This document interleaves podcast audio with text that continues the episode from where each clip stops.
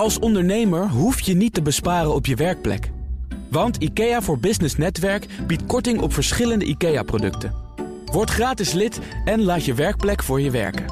IKEA, een wereld aan ideeën. Baanbrekende businessmodellen wordt mede mogelijk gemaakt door Salesforce. Verenig je rond je klant met Salesforce.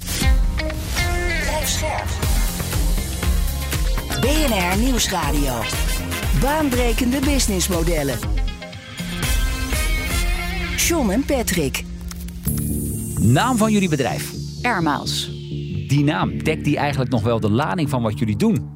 Nou ja, dat is de vraag hè. Als je heel erg kijkt naar air, dan zou het niet zo kunnen zijn. Want dan zou je denken, oh dat is luchtvaart. Maar miles, sparen van punten, dat uh, zeker.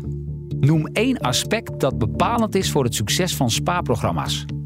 Um, dat je veel kunt sparen en bij meerdere partners. Zeg eens eerlijk, willen jongeren dit eigenlijk nog wel? Ja. En beste Noor, welk probleem lossen jullie eigenlijk op? Dat klanten graag beloond willen worden voor hun uh, loyaliteit. Over bedrijven die zichzelf opnieuw uitvinden en nieuwkomers die bestaande markten opschudden. Dit is BNR's baanbrekende businessmodellen. Met mij, John van Schagen en Patrick van der Pijl. Onze gast is Noor Klo, de managing director van Airmiles. Van harte welkom. Dankjewel. Het programma bestaat in Nederland nu 28 jaar, 3,3 miljoen gebruikers. Zou je aan die andere 15 miljoen Nederlanders nog eens willen uitleggen wat het eigenlijk is? Airmiles is uh, het enige coalitieprogramma in Nederland waar je dus bij uh, meerdere partners uh, kunt sparen. Dat maakt het ook uniek. Het zijn ook partners waar je bijna dagelijks komt. Ja, Ethos, kan komen. Shell, Praxis. Ja, Albert Heijn. maar ook Mastercard en Essent zijn onderdeel van ons programma. Ook Booking. Dus het zijn partners die, uh, waar je vaak, uh, nou, die je vaak tegenkomt. En op die manier kan je vrij snel uh, sparen en ook inwisselen. Dat is interessant, want het is eigenlijk gewoon gratis. Je hoeft er weinig voor te doen. Behalve dan natuurlijk je, je kaart te laten zien. Digitaal dan weliswaar of fysiek, wat je wil. En op die manier kan je, kan je sparen voor, uh, voor leuke dingen. Even inzoomen op dat businessmodel. Want jullie hebben in feite twee klantgroepen. Hè? Je hebt aan de ene kant de bedrijven en aan de andere kant heb je de consument. Want ja. wat verkoop je nu precies aan wie? Nou, eigenlijk is Airmiles is een currency. Ja, die betalen de partners aan ons. Hè. Dus eigenlijk in principe kopen zij Airmiles bij ons in. En die Airmiles geven ze uit aan hun klanten. En uh, die klanten wisselen die Airmiles weer in of bij de partners zelf of bij, uh, bij andere partijen. En uiteindelijk werkt het natuurlijk zo dat de partners, doordat uh, de klanten dus kopen bij die partners, vaak ook meer kopen omdat ze er sparen. Dat is ook bewezen. Um, of uh, vaker komen, hè, de frequentie verhogen. Ja, het is een loyaliteitsprogramma. Ja, hè? precies. En daar valt het natuurlijk dan in de PNL. Daar valt de omzet dan, de extra omzet. En in feite het businessmodel voor ons werkt als volgt: dat wij uh, de, de punten verkopen, de, de, de airmiles verkopen aan de partners. En dat wij daarnaast ook allerlei diensten aanbieden, allerlei CRM-diensten. Ja, maar daar gaan we straks nog wat, uh, wat nader op in. Ja, als je dan een voorbeeld neemt hè, um, en, en je zegt bijvoorbeeld: uh, ik ben Praxis en ik uh, koop voor 100.000 euro airmiles. Ja. Hoe werkt dat dan precies? Krijg ik dan een mandje waar ik zie wat die 100.000, wanneer het wordt uitgegeven of opgemaakt? Nou ja, in principe is het zo dat bij de uit, als je dus koopt bij, bij Praxis of bij welke partner dan ook, dan krijg je als klant krijg je airmiles. Dus dat geven, kunnen ze zelf bepalen hoe ze die inzetten. Dus ze bepalen ook zelf de koers? Ja, nou ja, ze bepalen zeker, ze bepalen zelf de koers, maar dat wordt wel afgesproken onderling. Het is niet zo dat dat helemaal vrij is. Hè, dus daar kijken we wel naar, want uiteindelijk willen we natuurlijk ook dat de klant een, een goede koers krijgt. Hè, dus dus uh, het, dat is een beetje een afweging. Kan de klant snel sparen, dan kan je een iets andere koers hanteren dan als de klant wat langzamer kan sparen. Dus er wordt wel naar gekeken dat Met het ook een andere koers bedoel je dat de airmaal iets minder of meer waard is. Ja, ja. He, maar we proberen daar wel zoveel mogelijk dezelfde waarde in te hanteren. Omdat dan is het ook een logisch verhaal voor de klant. Maar bijvoorbeeld als je dan um, een, een ton hebt aangekocht van airmiles...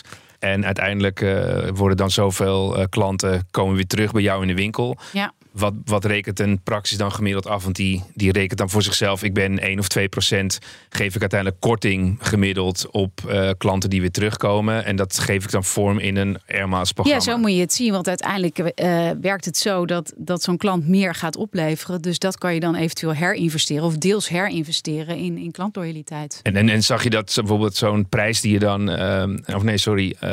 je zei net dat dat bewezen is dat het meer oplevert. Dus ja. je kunt aantonen dat klanten vaker dan terugkomen Ja. naar de winkel. Ja, en zeker ook als ze bij meerdere partners sparen. Hè. Dus bijvoorbeeld, ze sparen bij drie partners, dan blijkt dus dat ze per partner ook nog eens een keer meer uit gaan geven. Dus hoe, hoe vaker, hè, hoe meer partners, hoe, hoe hoger de omzet. Ja, dat Ja. zou dat betekenen dat je dan niet meer naar de gamma zou gaan, maar dan toch weer terug naar Ja, de praxis. Precies, ja. Ja. ja. Ja, Patrick, ben jij zelf eigenlijk een beetje een spaarder? Heb je ook een potje met DE-zegels thuis? Bonuskaart in je portemonnee? Ja, ik vind dit altijd heel snel gedoe. Dus als je dan bijvoorbeeld ehm, weer bij een nieuw bedrijf voorbij komt of, eh, en je krijgt zo'n kaart, denk je, oh, wat Ja. een gedoe. Ja. Maar ik zag bijvoorbeeld bij een eh, Albert Heijn heb ik dan zo'n eh, account aangemaakt, eh, zodat je ook koopzegels daarbij eh, spaart. En dan is het eigenlijk wel een gemakkelijk gevoel dat je Dan denkt, gaat het automatisch. Ja, Ja. en dan eh, rekenen we wel meer boodschappen af. Dat doen we nu toch allemaal. Maar Ja. dan eh, uiteindelijk denk je, oh, dan heb ik het niet door. Maar ik spaar stiekem toch wat. Ja, bij ons thuis is het wel een dingetje, want mijn vrouw die spaart wel heel erg. En ik ben daar niet zo van. Eh, ik, ik weiger zeg maar een soort van stelselmatig. dus zij zegt elke keer bij de, als ik naar de Albert Heijn ga van neem nou die bonuskaart ja, mee. ja, ik- ik herken het. Ik Ja. herken het. maar dat is je- natuurlijk bij mij ook beroepsdeformatie. Maar Snap ik. Nee, maar, dat is, maar het gemak is wel een hele belangrijke. Dus wat jij net zei, Patrick. Dus het feit dat je bij Albert Heijn kan je gebruik maken van het Mijn Albert Heijn programma. Ja. Dat is eigenlijk het loyaliteitsprogramma van Albert Heijn. Daar vallen meerdere dingen om. Bonuskaart, zegeltjes, maar ook dus airmiles. En dat is dus een gemak, want dan hoef je eigenlijk maar één keer een kaart te scannen en kan je overal aan deelnemen. En, en dat, hè, dat wat jij net zei, eh, dat herken ik ook. Want uiteindelijk is het zo dat, dat niet iedereen er altijd zin in heeft. Is het Maar ook, dat- zie je dat verschil tussen mannen en vrouwen ook ja, heel dat erg? zie je wel. Ja? Dat wordt wel meer gespaard door vrouwen, dat Ja. klopt. Maar het is wel zo dat het ook heel veel samen gespaard wordt. Dus toch inderdaad, en dat is ook wel de kracht van Airmiles. Ehm, en want wij hebben dus inderdaad die 3,3 miljoen klanten waar je net aan refereerde. Maar dat zijn 3,3 miljoen huishoudens eigenlijk. Hè? Dus er zijn vaak meerdere spaarders op één kaart. En dat is wat we ook met de rebranding heel erg eh, naar voren hebben gehaald. Want dat samen sparen, dat is wel heel erg eh, belangrijk voor ons programma. Ja, want Patrick, als je even kijkt gewoon sec naar het doel van spaarprogramma's. Er er zijn geloof ik iets van drie echt concrete doelstellingen daarbij. Hè? Ja, dus eigenlijk zie je één doelstelling is gewoon nieuwe klanten kunnen vinden. En als je dan kijkt naar de gemiddelde klantacquisitiekosten, dan hebben bedrijven daar best wel wat voor over. Dus bijvoorbeeld dat je zegt, eh, bestel nou voor eh, bijvoorbeeld 130 euro en krijg een gratis eh, badhanddoeken set.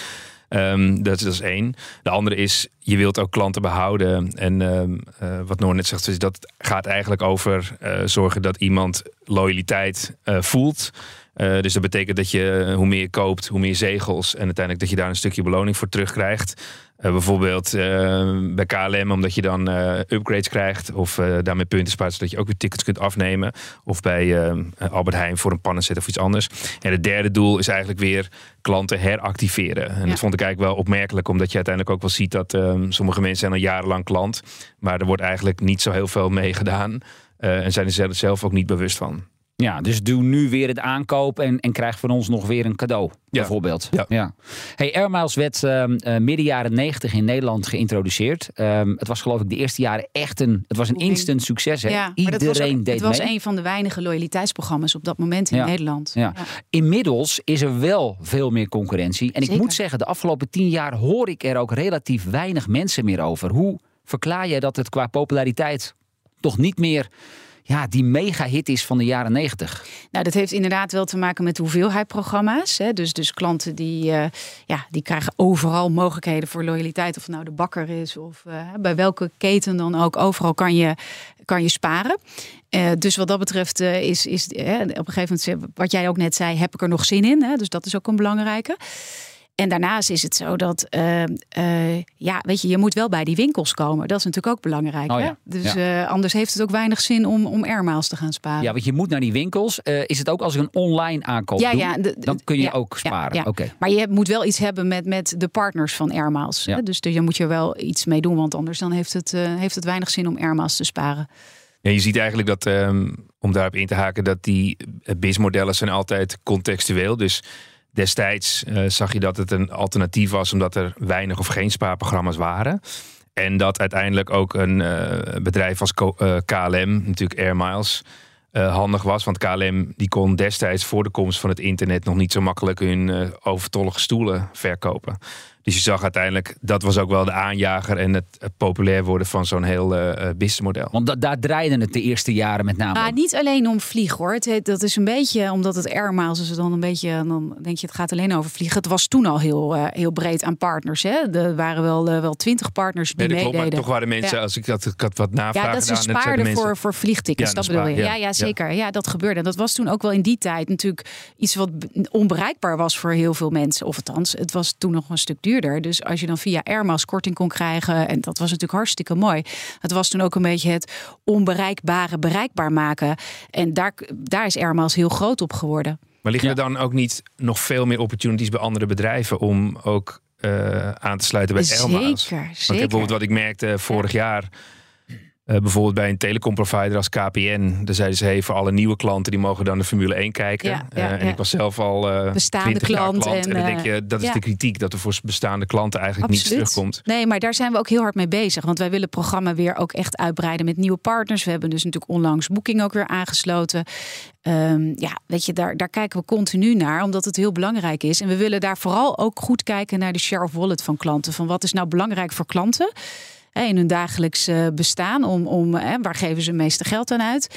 En hoe kun je daar dan inderdaad partnerships mee, uh, mee krijgen? Ja, en eigenlijk zie je ook wat jij zegt, is dat het niet uitsluitend één programma is. Dus uh, Booking heeft ook uh, Genius. Klopt, ja, dat hoeft, um, Maar die zet er dan ook een airmiles daarnaast. Ja. En wat is de motivatie dat ze meerdere programma's naast elkaar zetten? Ja, net complementair, als complementair aan elkaar. En dat is denk ik wel een hele belangrijke. Want bij heel veel programma's kan je korting krijgen. Bij ons kan je dus sparen voor leuke dingen en dan met name ook belevenissen. En uh, bij ons is het ook nog eens een keer zo dat je airmiles uh, hoef je niet altijd te sparen voor jezelf, maar kan je ook delen met anderen. Kan je zelfs ook uh, met familie en vrienden, maar ook met mensen die, die het niet zo breed hebben, kan je airmiles meedelen. Dus het is een hele andere behoefte die vervuld wordt. Ja, is dat ook anders ten opzichte van de jaren negentig? Dat ja. mensen tegenwoordig juist dat ook belangrijk ja, vinden? Ja, ook de jongere doelgroep. Wat okay. jij net zei, van joh, wat, wat, hoe trek je die aan? Daar hebben we natuurlijk onderzoek naar gedaan, omdat dat voor ons een belangrijke doelgroep is. Hè? Vooral ook jonge gezinnen. En die zeggen, ja, het is heel makkelijk sparen. Maar ik hoef het niet altijd zelf te gebruiken. Dus als ik het kan delen met, met anderen, vind ik dat ook heel fijn. En daar hebben we dus ook echt op ingezet. Nou, nog even over die wisselkoers. We hadden even wat bij elkaar gezocht. Dus ik, uh, als je kijkt naar Albert Heijn, dan geven ze een 1 airmile bij elke besteding van 2,5 euro. Dan Eters en Praxis doen dat voor 2 euro. En bij Shell krijg je een airmile voor elke liter brandstof. Ja. En tank je dan uh, Shell V-Power, dat ik me altijd afvraag wie, wie tankt dat, maar goed. um, dan krijg je uiteindelijk twee air miles per liter. Is ja. dat de bandbreedte waarbinnen... Dan praat je ja, over dan, 1, 2 procent korting ongeveer, hè? Ja, maar waar je, waar je naar moet kijken is natuurlijk wel... Als je nou bijvoorbeeld Shell, jij zegt V-Power. Zij willen natuurlijk graag dat V-Power, dat dat vaker getankt wordt. Dus dan ga je dus proberen gedragsverandering via airmiles uh, te bewerkstelligen. En ja, dat ja. is dus waarom er ook inderdaad verschil wordt, uh, verschillend wordt gekeken naar die koers van, uh, van airmiles. En bijvoorbeeld zo'n Mastercard, dan zie je bij elke betaling in het buitenland van 5 euro krijg je ook één airmile. Ja. Alleen dat betekent dus ook dat er relatief weinig buitenlandbetalingen zijn. Dus dat ze ook willen kijken dat je daar. Nou, kijk, voor Mastercard natuurlijk cruciaal om te denken: van, ja, weet je, ze willen natuurlijk dat je je Mastercard ook gebruikt om je ijsje af te rekenen. En niet alleen maar uh, een eventuele grote betaling. He, dus het, het, gangbaar maken van een Mastercard, altijd een Mastercard gebruiken in het buitenland. Dat is natuurlijk wel waar Mastercard heel graag, uh, die wil graag dat dat uh, gestimuleerd wordt. Ja.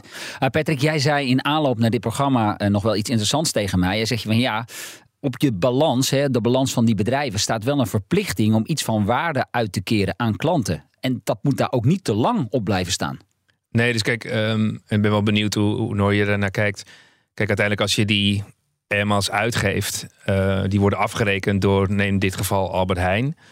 En uiteindelijk uh, worden ze dan zeg maar op de kaart gezet, dus nog niet verzilverd, maar door consumenten dan staat er eigenlijk op de Albert Heijn of op de Airma's balans een verplichting. Namelijk, ja, iemand heeft ooit iets of recht op om nog een keer dat te kunnen verzilveren. En als je ziet dat je daar heel lang mee wacht, dan zit er heel veel geld vast in, in je club. En je mag uiteindelijk ook niet die, uh, daar een resultaat voor schrijven. Dus... Ja, hoe zie jij dat, uh, Noor? Hoe nee, dat, is, dat om? is ook zo. En dat is ook de reden waarom wij heel erg goed kijken naar de inwisselmogelijkheden. Dus we hebben inwisselmogelijkheden waar klanten wat langer voor uh, sparen. Dus bijvoorbeeld kaartjes voor de Efteling. Maar we hebben ook hele laagdrempelige inwisselingen mogelijkheden. Bijvoorbeeld bij de kassakorting bij Albert Heijn. Dat zal je vast wel eens gezien hebben bij de scankassa. Gaat natuurlijk heel makkelijk om daar al snel je airmaals in te wisselen. Dus we zijn aan het stimuleren uiteraard op heel veel manieren om die doorloopsnelheid van die airmiles uh, wel uh, te garanderen. Want wat was de hurdle daar destijds van? Uh, dat mensen dat niet verzilveren, dachten ze niet aan of wisten niet wat hun saldo was? Meerdere of... oorzaken, inderdaad. Wat je zegt, soms is het ook, en dat is ook de reden waarom wij weer airmiles heel erg op de kaart hebben gezet en op de kaart aan het zetten zijn. Hè, dat mensen inderdaad het automatisch sparen het niet eens wisten dat ze aan het sparen waren. Hè. Dus dat, dat, is, dat is een belangrijke. Maar ook dat mensen langer sparen omdat ze voor iets sparen. Dat kan ook. Hè? Dus dat is, dat is, en, en, en er wel minder mogelijkheden waren voor, voor kortere spaarmogelijkheden. Dus daar hebben we heel erg op, uh, op geënt. BNR Nieuwsradio. Baanbrekende businessmodellen. Met deze keer alles over airmiles. Zometeen meer, maar nu eerst weer een ander businessmodel in de spotlights. En dat doen we met Rutger Prent van Scale Up Company. Vandaag wil ik het uh, bedrijf OSRE eruit pikken. Uh, OSRE is actief binnen het uh, domein van vastgoedtransacties. Opgericht in 2012 door Jurian Thomas, toen de hele vastgoedmarkt zo ongeveer op zijn gat lag. En Rutger legt uit hoe nieuwe vastgoedprojecten destijds nog in de markt werden gezet. Soms was er een website veel vaker waren er gewoon uh, advertenties in kranten of in uh, andere media. En als je geluk had, was er een klein e-mailadres te vinden. Dat was jouw interface met uh, de makelaar in de, in de meeste gevallen. Um, ja, en, en daar werden mailtjes over gestuurd. Maar ja, de makelaar was dat nog niet zo gewend. Dus in de meeste gevallen kreeg je eigenlijk helemaal geen reactie. Oké, dan nu de oplossing waarmee OSRE kwam. Een digitaal platform voor projectontwikkelaars, woningcorporaties en andere vastgoedbeleggers, waarbij je niet per transactie afrekent, maar per gebruiker. En hoe moet je dat zien? Dat, dat ze eigenlijk uh, twee componenten echt heel goed uh, aan elkaar hebben gekoppeld. Is eigenlijk die hele journey van ik heb interesse tot aan ik krijg mijn sleutel voor de nieuwe woning. Nou, dat hebben ze volledig gedigitaliseerd, heel klantvriendelijk gemaakt, echt een journey. Uh, die niet alleen alle vinkjes af, uh, uh, afvinkt, wat betreft je, je loonstrook en je paspoort, et cetera. Maar het ook prettig maakt om je echt goed voor te bereiden op die stap. En het online marketingstuk, hoe je aan klanten komt dus, is helemaal opgenomen in dat platform. En dat helpt ontwikkelaars om hun nieuwe projecten goed in de markt te zetten. Ook hoeven zij nu niet meer voor elk nieuw project een nieuwe website in de lucht te hangen. In 2019 is het bedrijf een partnership aangegaan met het Duitse Arion, dat software levert voor de vastgoedmarkt. En ik denk dat dat interessant is, dat het kunnen partneren met, met partijen in de markt, hè, die strategisch een uh, iets ander perspectief hebben, maar bijvoorbeeld een heleboel klanten en ook een beetje geld. Ja, dat is toch wel een heel mooi businessmodel om daarna je, je kindje niet alleen aan 200 projecten in, in Nederland te kunnen koppelen, maar aan 10.000 in het buitenland. Goed, tot slot dan. Wat kunnen we eigenlijk van deze case leren? Als je een mooie propositie hebt, een oplossing ziet voor een bestaande markt, maar die echt verstrekkend is of heel anders is dan wat er nu gebeurt, bedenk je dan toch echt dat je eerst die markt voor je zal moeten winnen. En dan bedoel ik nog ineens in het verkopen van je product, uh, maar in eerste instantie om awareness, bewustzijn te creëren in die markt. En dat zei Rutger Prent van Scale Up Company. Wij praten verder met eh, Noor Klo, de managing director van Airmiles. Noor, jij kwam in 2019 bij deze club. Um, was dat toen al met het idee, we moeten dat businessmodel gaan, gaan aanpassen? Ja, althans, ik wilde dat zelf heel graag. Ja. En wat heb je sindsdien gedaan? Nou, we hebben eigenlijk echt wel een hele grote transformatie uh, hebben we doorgemaakt. Zijn we nog, uh, ook nog mee bezig. En dat eigenlijk op alle fronten. Uh, gekeken uiteraard naar het programma aan zich. Hè. Dus hoe kunnen we dat weer veel relevanter maken voor een grotere doelgroep, meerdere partners aansluiten, andere inwisselproposities, andere partners. Nou, dat, dat is een belangrijk. En ook een andere positionering. Hè. Ook echt goed gekeken van wat is er nodig. Uh, maar daarvoor moet je natuurlijk wel kijken, oké, zijn we er als bedrijf klaar voor? Nou, dat was nog op dat moment niet helemaal het geval. Dus dan ga je. wat moest je doen? Nou, even naar het IT. Uh, we hebben natuurlijk best een heel grote IT-infrastructuur. Uh, die um, ja, al uh, toen 25 jaar bestond. Dus veel legacy. Redelijk verouderd. Ja, dus daar moest veel gebeuren. Dus de afgelopen jaren hebben we daar ook veel in geïnvesteerd. En hebben we bijvoorbeeld alles uh, in de cloud gezet. Dat was heel veel zaken waren nog on-premise. we hebben API's aansluitingen gemaakt, ook voor onze partners. We hebben ook heel veel gedaan aan, aan privacy en security. Want je gaat met heel veel data om. dat was op zich oké, maar dat kan veel beter. Dus, dus voor ons ook echt een, een belangrijk speerpunt. Ja, dus we hebben op heel veel fronten, op het organisatiestructuur, uh, de bemensing. We hebben eigenlijk op alle aan alle knoppen gedraaid ja. om het bedrijf ook uh, dus dat klaar is met te maken name voor de dus toekomst. die IT-backbone, hè? Uh, echt die, die hardware en die software die, die beter moest. Maar um, je zegt ook, we moesten ons anders gaan positioneren. Ja. Waar zat hem dan, waar, waar mikken jullie op? Nou, heel erg de jonge gezinnen, dus een nieuwe doelgroep proberen we aan te boren. Natuurlijk ook, want we hebben ook heel veel klanten die al heel lang, hè, die ook al inderdaad met ons meegegroeid zijn, die al heel lang Airmas sparen. Dus niet om die te vervreemden, helemaal niet. Dus, dus vooral ook uh, te laten staan waar je al goed in bent. Uh, maar wel echt te kijken van, joh, wat is nou de behoefte van die nieuwe doelgroep? En dat is uh, wat ik net al heel erg aangaf, hè, dat samen, samen sparen, samen beleven. Met je gezin, met je vrienden. Uh, en samen ook voor een goed doel? Ja, en samen delen. Ja, ja, dus en dat samen delen, dat zit hem heel erg op. Dat kan natuurlijk ook gewoon ermals delen met vrienden zijn, familie, maar kan ook inderdaad met mensen zijn die het goed kunnen gebruiken. En als je kijkt naar de um, positionering, dan zou ik me ook kunnen voorstellen, er zijn eigenlijk wel een paar strategische vragen die je hebt. Omdat je uiteindelijk ook zou kunnen zeggen, ga ik dan positioneren op dat wat consumenten allemaal uh, mogelijk kunnen maken, omdat ze ongemerkt sparen? Of uh, ga je aan de uh, kant van de bedrijven zeggen van hé, hey, wij zijn Salesforce uh, met een loyaliteitsprogramma. Is het een soort softwarebedrijf? Hoe... Nee, dat klopt. Je hebt eigenlijk inderdaad naar partners toe een andere positionering. Deels natuurlijk dan naar klanten. Klanten gaat heel erg over de voorkant. Wat kun je doen met je airmaals? Um, en hoe werkt het en hoe simpel is het? Want het gaat over laagdrempeligheid. Het gaat over het gemak van het sparen en inwisselen.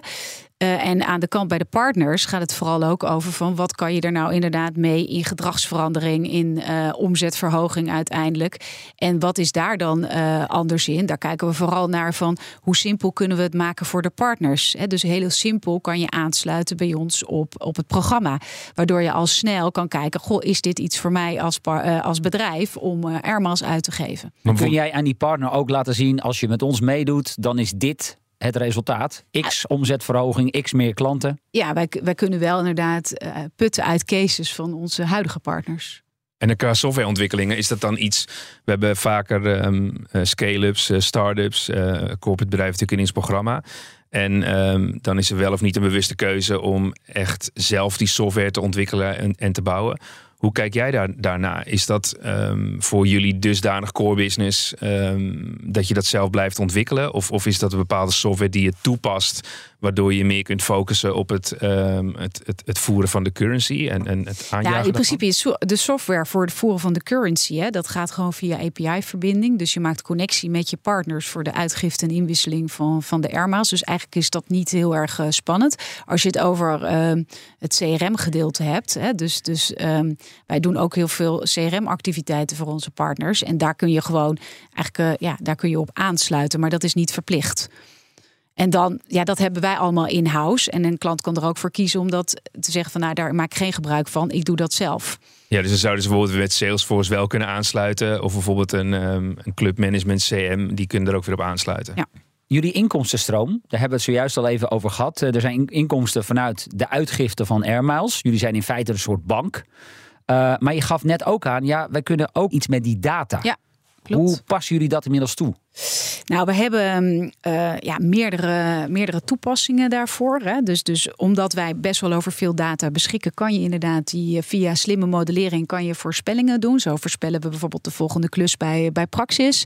Um, en we zijn de steeds... volgende klus bij Praxis? Ja, dus je bent, je bent in je klus journey. En dan zien wij dus door aankopen die de klant doet en hè, dus wat er in een winkelmandje zit, kunnen we ook Oh, uiteindelijk weer via uh, ook weer uh, slimme modellering zien. Oké, okay, nou goed, dan is deze klant toe aan de volgende. kan je daar natuurlijk heel erg op, uh, op enten. Dus we hebben verschillende CRM-programma's lopen voor onze partners. De een wat meer dan de andere. Hè. Dat is afhankelijk van de behoefte ook. Um, en uh, we koppelen natuurlijk die data deels aan elkaar. Maar dat doen we wel op natuurlijk een hele GDPR-proof. Dus dat kan ook geanonimiseerd zijn. En op basis daarvan uh, doen, we, doen we voorspellingen. En daar betalen jullie klanten dus voor? Ja, dus, dus ze betalen voor een stukje uh, modellering. En ze betalen uiteindelijk ook voor een stukje bijvoorbeeld ja. CRM, echt de, de direct marketing activiteit. Want dan kan bijvoorbeeld een praxis zien: oké, okay, iemand koopt eerst een hek, uh, vervolgens iets, uh, een stukje groen. En daarna heeft hij waarschijnlijk een heggenschaar nodig. En daar kun je dan op je online marketing kun je daarop inzetten. Ja. En bijvoorbeeld als je kijkt naar Adyen, die. Um eh, kon het eigenlijk het ook goed met die data. eh, maar die kon het ook zeg maar over de merken, merken heen. Als je bijvoorbeeld kijkt voor een praxis specifiek, zie je dan ook wat je meer kunt bieden aan data die praxis niet zelf uit zijn eigen systeem kan Exact, halen. dat is natuurlijk de meerwaarde die je wil bieden als bedrijf. Dus je kijkt wel van, goh, wat weten wij meer dan een praxis zelf of eh, een Mastercard zelf of welk bedrijf dan ook. En als je dan eh, die inkoop nog doet, hè, dus, dus uiteindelijk eh, over hoeveel omzet per jaar heb je dat en mag je dat dan als omzet verantwoorden? Dus als je bijvoorbeeld zegt, ik heb eh, inkoop van eh, een praxis van 100.000. ehm, zien jullie dat dan als omzet of zie je de omzet op het moment dat die um, Airma's verzilverd zijn? Nou, in feite is de verzilvering ligt heel erg bij, uh, bij, de, bij de partners uiteraard. Dus bij ons is het een inkomstenbron op het moment dat je inderdaad de uitgifte doet uh, van de airmiles. Ja. Ja, en de andere inkomstenbron zijn die additionele, additionele diensten. Is het voldoende, 1 tot 2 procent korting uh, in de perceptie van mensen. Uh, jaag je ze daarmee voldoende aan ja, om te sparen? Want voor mij, ik gaf het net al een beetje aan, ik heb al snel zoiets van, ach ja, die ene procent. Ja, maar ja, jij zegt 1 tot 2 procent, maar het gaat natuurlijk over het grotere getal. Hè. Uiteindelijk is het zo dat een klant natuurlijk niet voor 1 of 2 procent per se uh, zijn bed uitkomt. Afhankelijk natuurlijk van de nee. grootte van het bedrag waar het over gaat. Maar waar het wel over gaat, is dat een klant uiteindelijk door iets langer te sparen, bijvoorbeeld wel een Efteling kaartje bij elkaar ja. spaart. En dat Want, is wel in mijn perceptie is het, ja, je spaart vijf jaar en je hebt uiteindelijk een, een handdoekenset. Nou, dat zo. zo. Nee, ja. ja, deze discussies voer ik thuis ook. iets te ja, doen, ja, uh, dat begrijp en, ik. uh, dat PR, begrijp ik. Nee, maar precies, dat is helemaal waar hoor, wat jij ook zegt, Patrick. Want dat is uiteindelijk, als dat, dat is wel iets waar sommige klanten inderdaad wel zoiets van hebben. Oh, ik moet heel lang sparen voor iets. Maar dat hoeft helemaal niet. Je kunt dus ook heel kort sparen en meteen instant uh, gratification krijgen. En dat is wel iets waar we gewoon veel meer. Hè, dat we moeten ook veel beter vertellen nog. Van joh, hoe, uh, hoe uh, laagdrempelig het ook is om in te wisselen. Hoe ja. snel je al iets leuks kan doen. Maar misschien dan op door te beduren. Dus uh, ik ben nu geen Airmiles uh, klant. Uh, hoe, wat kan ik dan doen om laagdrempelig aan de slag te gaan? Nou, eerst een kaart aanschaffen. Ja, maar nee. dat kan ook een app zijn. Of, ja, dat, moet je eerst een ja, kaart? nee, nee, uiteraard. Natuurlijk, Ja, dat ja. is een app. Um, nee, ja, uh, ik weet niet bij welke partners je van Airmas programma komt. Maar stel dat jij altijd bij, uh, bij, uh, Albert Heijn zou komen. Ja, je, dat Booking, gaf je net ja. aan. Uh, ja, dan, en Booking. Nou, Booking gaat echt hard. Want als je dus één keer een Booking doet... dan kan je zo al echt 10.000 Airmiles bij elkaar sprokkelen. Oh, zoveel? Ja. Oké. Okay. En, en, wel een goede tip. Ja, en, ja. en een, bad, een set badhanddoeken is hoeveel airmiles ongeveer? God, dan vraag je me ja, wat. Ja, dat uh, weet je niet. Dat weet ik niet zo uit mijn hoofd. Okay, maar kijk, okay. weet je, die, die badhanddoeken blijft altijd interessant. Want ik vind het altijd grappig dat mensen altijd loyaliteitsprogramma's meteen relateren aan ja. badhanddoekjes. Hoe komt dat eigenlijk? Ja, In Noord-Holland. Dat is ooit zo uh, ontstaan, denk ik. En dat is ook laagdrempelig, uiteraard. Maar je kan er ook mee naar de paté. Je kan ook mee, hè, en dat, dat, is ook, uh, dat heb je ook zo bij elkaar gespaard. Dus ja. wat dat betreft uh, zijn dat ook leukere dingen, denk ik, dan vaak dan Ja. Maar... Patrick, businessmodellen zijn altijd in beweging. Is dat ook de grote uitdaging voor Airmiles de komende jaren? Relevant blijven voor een zo groot mogelijke doelgroep? Ja, ik denk ook wel als je nu naar um, Airmiles kijkt, um, ook voor deze uitzending, dan denk je, hey, het gaat uitsluitend over Airmiles. Maar het is eigenlijk een portefeuille van businessmodellen die je hebt. Dus als ik naar Airmiles kijk, heb je één businessmodel dat gaat over het uh, in- en verkopen zeg maar, van die uh, miles. Ja. En dan kun je daar eigenlijk de vraag stellen van... Hey, hoeveel groei zit er nog in dit model? Um, en eigenlijk als ik denk na, over Eneco, KPN, dat soort partijen... dan denk ik, ja, er zit natuurlijk nog veel meer groei. Um, en ook aan de consumentenkant, omdat jij uh, en ik ook nog meer kunnen sparen. Maar een andere is als je dan specifieke programma's maakt... Uh, bijvoorbeeld door CRM-activiteiten te ontplooien... is het eigenlijk een ander businessmodel. Maar die zit wel in jouw portefeuille. En het is goed om als bedrijf... Uh, verschillende businessmodellen en verschillende mandjes te hebben zitten. En voor elk van hen te kijken van, hé, hey, waar zit dan mijn groei? Uh, zodat je dat op een bepaalde manier ja, kunt gaan organiseren en managen. Ik zie jou knikken. Ja, nee, dat klopt. Dat is helemaal waar wat je zegt. Dus dat is ook de reden. Hè, wij kijken echt naar, naar die twee businessmodellen en waar, waar de groei zit. En dat, dat kan heel anders zijn. Hè, voor de, dus we kunnen partners aansluiten die puur alleen maar uitgifte doen. En we kunnen partners aansluiten die het juist heel fijn vinden als wij ook een heel groot gedeelte van hun CRM doen. Noor Klo van uh, Airmiles, dankjewel voor jouw komst naar de studio en voor dit uh, gesprek over Airmiles. En uh, Patrick en ik zijn er uiteraard volgende week weer. Nou, wil je voor die tijd al meer luisteren? Check dan zeker ook onze andere afleveringen die je vindt op vrijwel alle bekende podcastkanalen. Tot volgende week. Baanbrekende businessmodellen wordt mede mogelijk gemaakt door Salesforce. Verenig je rond je klant met Salesforce. Een kleine update maakt een wereld van verschil. Daarom biedt IKEA voor Business Netwerk gratis snelle interieurtips en ideeën. Word gratis lid en laat je werkplek voor je werken. IKEA, een wereld aan ideeën.